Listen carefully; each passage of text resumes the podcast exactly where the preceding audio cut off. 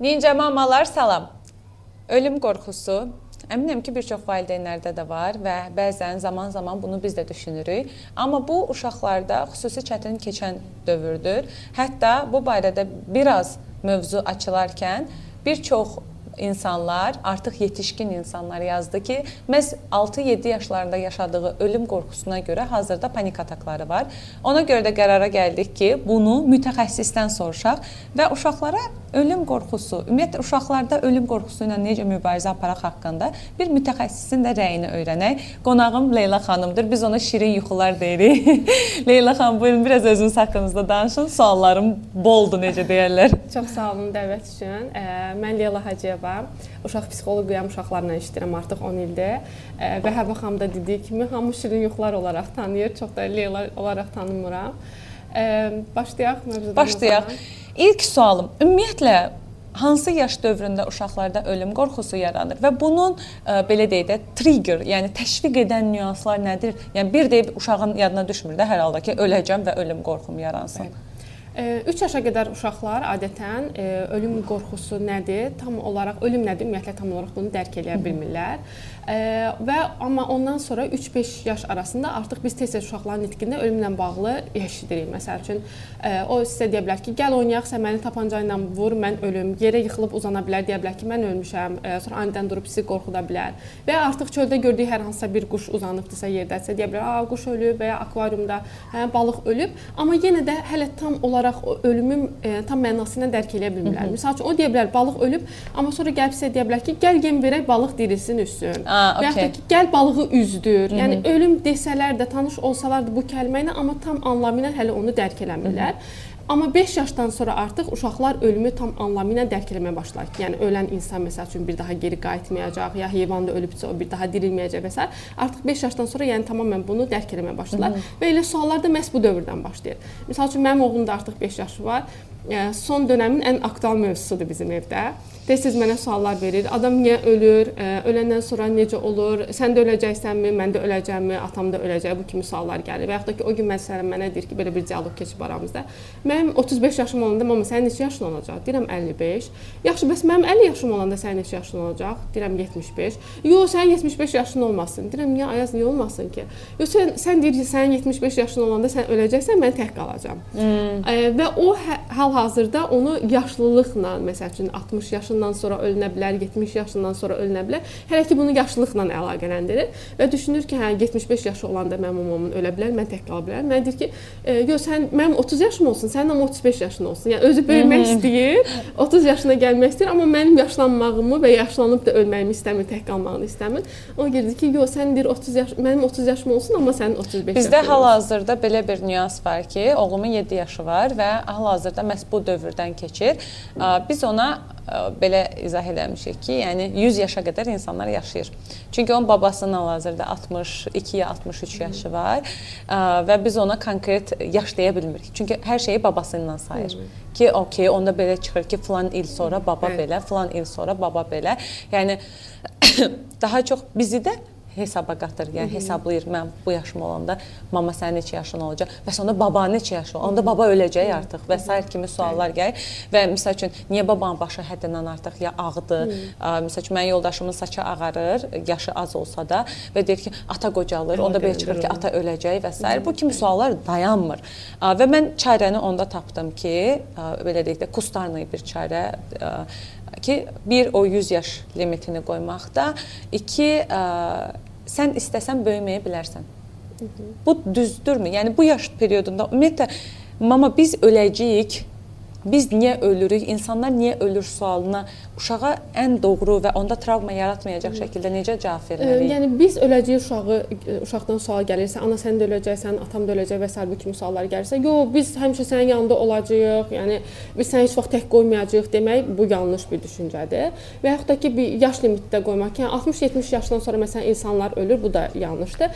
Daha pozitivə yönəldib, məsəl üçün biz hə indi çox xoşbəxt bir ailəmiz var, sənin nənən var, babam var, biz hamımız səni çox istəyirik, çox yəni mehriban ailəmiz var. Biz hələ daha uzun illər səndən bir yerdə yaşayacağıq, gözəl günlər keçirəcəyik, hələ çox səyahətlər edəcəyik və s. deyib, Hı -hı. yəni konkret nə təsdiq eləmək, nə inkar eləmək, yəni dediyim kimi ki, biz heç vaxt ölməyəcəyik deməkdə, yəni bu onsuz da Hı -hı. olası bir şeydir də, yəni günün birində hər birimizin həyatına son veriləcək və uşağı ona inandırmaq ki, ata-ana həmişə sənin yanında olacaq, nənə baban heç vaxt bizi tərk eləməyəcək və o gün gəlib çatanda artıq təbii ki, e, gənc tez yaşlananda da, yəni uşaq yaşlarında da bununla qarşılaşanda uşaq böyük bir yalanla üz-üzə qalır ki,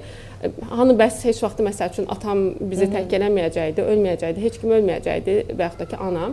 E, ona görə də yəni uşaq buna hazırlıqlı olmalıdır. Yəni və bir də ölümlə qarşılaşmadan öncə artıq uşaq ölüm haqqında müəyyən düşüncələr olmalıdır. Bunu da daha yaxşı olar nə? Canlı təbiət e, üzərindən, nümunə ilə bəli. Heyvanlar üzərində, ağac üzərində, məsəl üçün bir dənə kəpənəyin həyatını biz göstərə bilərik. Videolar çoxludur, şəkillər.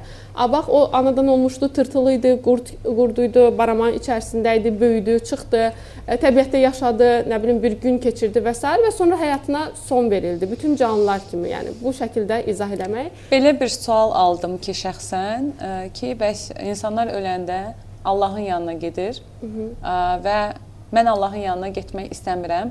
Çünki mən onda sizi görməyəcəm. Hı -hı. Onda siz də gəlin məndən. Belə olanda o o tər, yəni bəzi uşaqlar var ki, məsəl üçün mənim öz oğlumdan götürsək, konkret cavablar almaq istəyir. Hı -hı. Yəni mən ona ümumi danışanda da deyir, yox mama, bu mənim sualıma cavab deyil. Hı -hı. Və mən onda daha da gərilirəm. Çünki Hı -hı. ümumiləşdirə bilmirəm mövzunu. Yəni konkretlik istəyir uşaq məndən. Belə olanda necə cavab verək? Yəni ki, ən bəsiti mən öləndə Allahın yanına gedəcəm. Öləndə hər kəs Allahın yanına gedir. Yəni bu suala cavab nədir? Ümumiyyətlə yaxşı olardı ki, biz seçi cümlələr seçəndə ilk öncə o indi bilmirəm siz də hardan öyrənib bu Allahın yanına gedəcəyi öləndə və s. Uşaqları biraz bu cümlələr seçəndə çox ehtiyatlı olaq. Çünki sizin dediyiniz kimi Allahın yanına gedəcəyik, mələk olacağıq, cənnətə gedəcəyik və s. bunlar mücərrəd anlayışlardır. Onsuz da ölüm mücərrəd anlayışdır. Uşaq beynində otuzdura bilmir onu və ona biz digər bir mücərrəd anlayış verməklə onu daha çətinə salırıq. Uşaq ölümü bilmir, anlamlandıra bilmir və digər tərəfdən ona Allah Allahı da o bilmir, cənnəti də o bilmir. Mələk oldu, göylərə uçdu, onu da o bilmir. Yəni ikisi birlikdə ona çətinlik yaradır. Ona görə bu mücərrəd anlayışlarla uşağı daha çətinə salmış olaraq. Və yaxud da ki, məsəl üçün digər e, istifadə etdiyimiz yanlış cümlələrdən biri. Səyahətə getdi, uzaqlara getdi.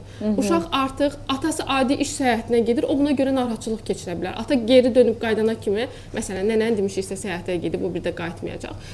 Düşünə bilər ki, atam da nənəmin yanına gedib, atam da qayıtmayacaq. Bəli, o gələnə kimi həyəcan keçirə bilər, narahat ola bilər. Və yaxud da ki, digər misal üçün yanlışlardan biri bəzən deyirlər ki, dərin yuxuya gedib. Uşaqda biz yuxu problemlərindən çox bu zaman Aa, qarşılaşırıq. Okay. Tək yatmaqdan qorxmağa başlayır, ümumiyyətlə gecə durub ağlamağa başlayır, kabuslar görür. Ə, yuxu ilə bağlı yəni problemlərlə biz qarşılaşırıq. Ona görə dərin yuxuya getdi və sər bu da düzgün. Bu dövrü ə, ümumiyyətlə ailə olaraq kimlər bu dövrdə keçməlidir. Yəni konkret bir qayda varmı ki, məsəl üçün ölümlə bağlı ancaq ana danışmalıdır və yaxud da ancaq ata danışmalıdır və yaxud da necə bunu ümumiləşdirmək lazımdır ki, ana ilə atanın dediyi, ana ilə nənənin dedikləri uşağa ə, e, belə deyək də elə olmasın ki, misal üçün ana deyirsə ki, yox Allahın yanına getmir, Bəli. əksinə nənə deyir ki, yox Allahın yanına gedir və uşaq orada qalır ki, okey, mən ikisini də sevirəm, ikisinə də inanıram, ikisinə də güvənirəm. Ona hansı düz deyir? Yaxşı olardı ki, yəni ailə birlikdə qərar versin ki, biz bu yolu seçib, bu yolda deyəcəyik və heç də bundan qaçılmamalıdır ki, uşağın yanında ölüm haqqında danışmayaq, ölən adam haqqında danışmayaq. Hı -hı. Bəzən biz o şeyləri gizli saxlamağa çalışırıq. E, uşaq danışmalıdır, öz emosiyalarını bildirməlidir, həmin adam üçün darıxırsa, həm mən başa düşürəm sən darıxırsan, məsələn, nənə artıq bizdən yoxdur, baba yoxdur və yaxud da ki, ata bizdən yoxdur. Biz də onun üçün çox darıxırıq. Ə, sən istədiyin vaxt gəlib mənə ata haqqında danışa bilərsən, istədiyin vaxt biz nənə ilə olan şəkillərə baxa bilərik, onu xatırlaya bilərik. Biz heç vaxt nənəni unutmayacağıq və s. deyib. Yəni uşağa o emosiyalarını ağlayırsa, siz də onunla birlikdə kövrəlməyə, ağlamaq, indi nə hiss edirsən, o hisslərini ortaya çıxarmağa şərait yaratmaq lazımdır. Yəni biz uşağın yanında heç də ölüm ölən adam haqqında danışmayaq, onu yadına salmayaq, xatırlatmayaq deyə deyil də əksinə bu danışılsın, o emosiyalar boşaldılsın ki, içəri yığılıb sonra başqa bir aqressiv partlayışlarla ə, yəni ortaya çıxmasın. Və bir də cənazə ilə bağlı çox mən bəzən olur ki, bizə də müraciət edirlər. Uşaq bütün proseslərdə iştirak eləyir. Və of. bu bəli, yəni biz böyük insanlar belə hər hansısa bir yas mərəsində mən gedəndən sonra, yəni bəli, adam gəlib özünə günlərlə gəlmir Eynən. və təsəvvür edin ki, o proseslərin hər birini uşaq gəlir mənə danışır. Ölən adam necə olmuşdu, uzatmışlar, onu belə eləmişlər, belə. Bütün o prosesləri gözü ilə görür. Yəni dediyim kimi biz böyüklər belə bunun altından qalxmaqda çətinlik çəkirsə, o uşağı yəni rəsmən birbaşa travmadır. Ona görə də o həmin yas mərasimlərinin ilk günlərində uşağın o çox ağlaşmalı, nə bilim, e, cənazənin özəlliklə olduğu, bizim cəmiyyətdə o vay şivəni. Bəli, yəni o dövrlərdə uşağın o məclislərdən daha uzaq saxlanılması daha məsləhət olar. Yəni artıq ailə özü qalandan sonra, hamı sakitləşəndən sonra bir qədər, yəni ilk olanda hamımız fərqli reaksiyalar verə bilərik. Eynən. Ondan sonra artıq uşağa bu xəbər verilsə daha məqsədə uyğun olar. Bəs ümumi olaraq götürsək, mən bu haqqda paylaşım eləyəndə həddindən artıq çox yetişkin insanlardan geri dönüş aldım ki, o dövrümdə bu hisslərin bastırıldığı üçün məndə panik atak var. Yəni ə, bu dövrü valideyn görməzdən gələrsə, uşaqda yaranacaq sonrakı fəsadlar nələr nələr olur ümumiyyətlə adətən? Yuxu ilə bağlı problemlər olur. Yəni ölümdən qorxusa hər an ailədən digər üzvünün kimsəsini itirə bilərəm, qorxuları formalaşır. Özü ilə bağlı mən ölə bilərəm və yaxud da ki, məsələn, bayaq unutduğum qeydimi bəzən xəstəliklə də bağlıdır ki, xəstələndi öldü. Uşaq artıq xəstələnməkdən qorxur. Və yaxud da ki, ailədə kimsə biri xəstələnərsə, atam da onda öləcək, atam da xəstələnib. Yəni adi bir soyuq dəymədən belə uşaqlar soyuq dəymə belə gəlib deyir ki, "Amma mən xəstələnmişəm, mən də baba kimi öləcəm." Ona görə yəni çox ehtiyatlı olmaq lazımdır bu cümlələri seçərkən seçərkən, bəli, sözləri seçərkən çox ehtiyatlı olmaq lazımdır ki, uşaq onun altından fərqli məna çıxarmasın e, və hər hansısa bir olacaq xəstəlikdir, yuxudur, nə bilim səyahətdir və s. bunlarla bağlı artıq onda qorxular formalaşmasın. Hı -hı. Bəs ə, e, hazırki məsəl üçün yetişkin insanlar o dövrdən qalan travmalar deyək də panik atağın ə, e, öhdəsindən ə, psixoloji olaraq gələ bilirlərmi? Yəni bu belə bir ə, e, bəli, praktika seanslar, varmı? Bəli, seanslara müraciət eləyirlər. O hansı dövrdə olub, ə, e, nə onda travmalar yaradıb, ə, e, danışılmayıb, o hamısı bütün hisslər, yəni bayaq dediyim kimi, o hisslər tökülməlidir. İçdə yığıldıqca travma yaradır, aqressiyalar yaradır və s. O hisslər hamısı töküldükcə, açıldıqca, yəni ə, bu çox xeyirli olur böyüklərə də. Ümumiyyətlə ə, ölüm qorxusu, yəni ölüm haqqında sual verməyən uşaq var. Yox, hamı verir. Çünki e, istər-istəməz qarşılaşır, ətrafından eşidir. Ə, e, ya məsələn dediyim kimi yolda gördüyü bir heyvanı görürsə uzanıbsa, bu niyə uzanıb və biz istər-istəməz deyirik ölübdür. Hı -hı. Ona başqa bir şey demirik ki. Bir də son olaraq bizim ölkə üçün özəlliklə son 2 ildə olan bir aktual bir ə, e, sözü istifadə eləmək istəyirəm ki, şəhid. Hı. Uşağa, yəni hər yerdə eşidir. Mən, mən məsəl üçün öz adımdan danışacağam. Maksimum gizlətməyə çalışdım, maksimum örtməyə çalışdım. Amma yəni bu uşaq ancaq evdə qalmır da. Bəli. Ən ə, e, belə və elə bir periodu ki, elə bir dövrlərindədir ki, eşitdikləri hər söz onlara maraqlıdır. Əgər onlara tanış deyilsə və soruşur şəhid nə deməkdir? Hı -hı. Şəhid kimdir? Necə şəhid olunur? Yəni bu suala uşağa zədə verməyəcək dərəcədə, eyni zamanda da beynində takıntı halına gətirməyəcək dərəcədə necə cavab vermək olar? Burada da yenə biraz pozitivi önə çıxarıb qəhrəmanlıq. Qəhrəmanlar kimdir? Onlar nə üçün qəhrəman olurlar? E, məsələn, Azərbaycan sərhədləri haqqında danışa bilərik e, ki, bəzən elə olur ki, düşmənlər gəlib bizim sərhədlərə daxil olmaq istəyirlər. Bu zaman o bayaq sənə dediyim qəhrəmanlar vardı, ha, hansı ki, öz torpaqlarını qoruyurlar və s. Yəni daha pozitivi ölümü bir qədər kənara qoyuruq, şəhidliyi bir qədər kənara qoyub, e, yaşı kiçik olan uşaqlarla bağlı, yəni Hı -hı. daha pozitivi qabardıb qəhrəmanlıq, Azərbaycan dövlətimiz və s. bu sevgini aşılayıb, daha sonrakı həm bəzən olur ki, düşmənlər bizə hücum eləyirlər və s həmin bu vaxtı qəhrəmanlar e, vuruşurlar, döyüşürlər, şəhid olurlar, onlar öz vətən uğruna canlarına keçirlər və s. deyib, e, yəni dediyim kimi daha pozitiv yöndən yanaşmaq ki, uşaq o qan düşməyi bəzi məktəblərdə biz son vaxtlar çox qarşılaşırdıq ki, göstərirlər və s. onların əslində heç də tərəfdarı deyilik, daha pozitiv yöndən yanaşılıb, e, qəhrəmanlığın önə çıxarılsın, Azərbaycan, ölkəmizi sevmək, sərhədlərimiz və s. E, üzə çıxarılmasının daha tərəfdarıyıq. Ümumi olaraq götürsək, baxın, dedik ki, şəhidliyi, qəhrəmanlığa. Belə olanda uşaq şəhid olmağa arzusuna düşməz ki, yəni hər uşaq fərqli cür qəbul edir. Yəni uşaq bunu belə deyək də xüsusi bir öyünmə metodu olaraq görüb, özəlliklə sevgi görməyən ailələrdə. Bəli. Yəni uşaq ailəsinin gözünə görünmək üçün bəli, bəli. belə bir şey eləməyə təşəbbüs etməzmi? Yəni qəhrəmanlığa. Bəli. Ə, diqqət çəkməyi sevən bir uşaqdırsa Eyni. və yaxud da ki, ailədə az diqqət görən bir uşaqdırsa, o da düşünə bilər ki, a, məsələn, şəhidlər ölür, hamı onun haqqında danışır, es. o dillərə dastan olur və s.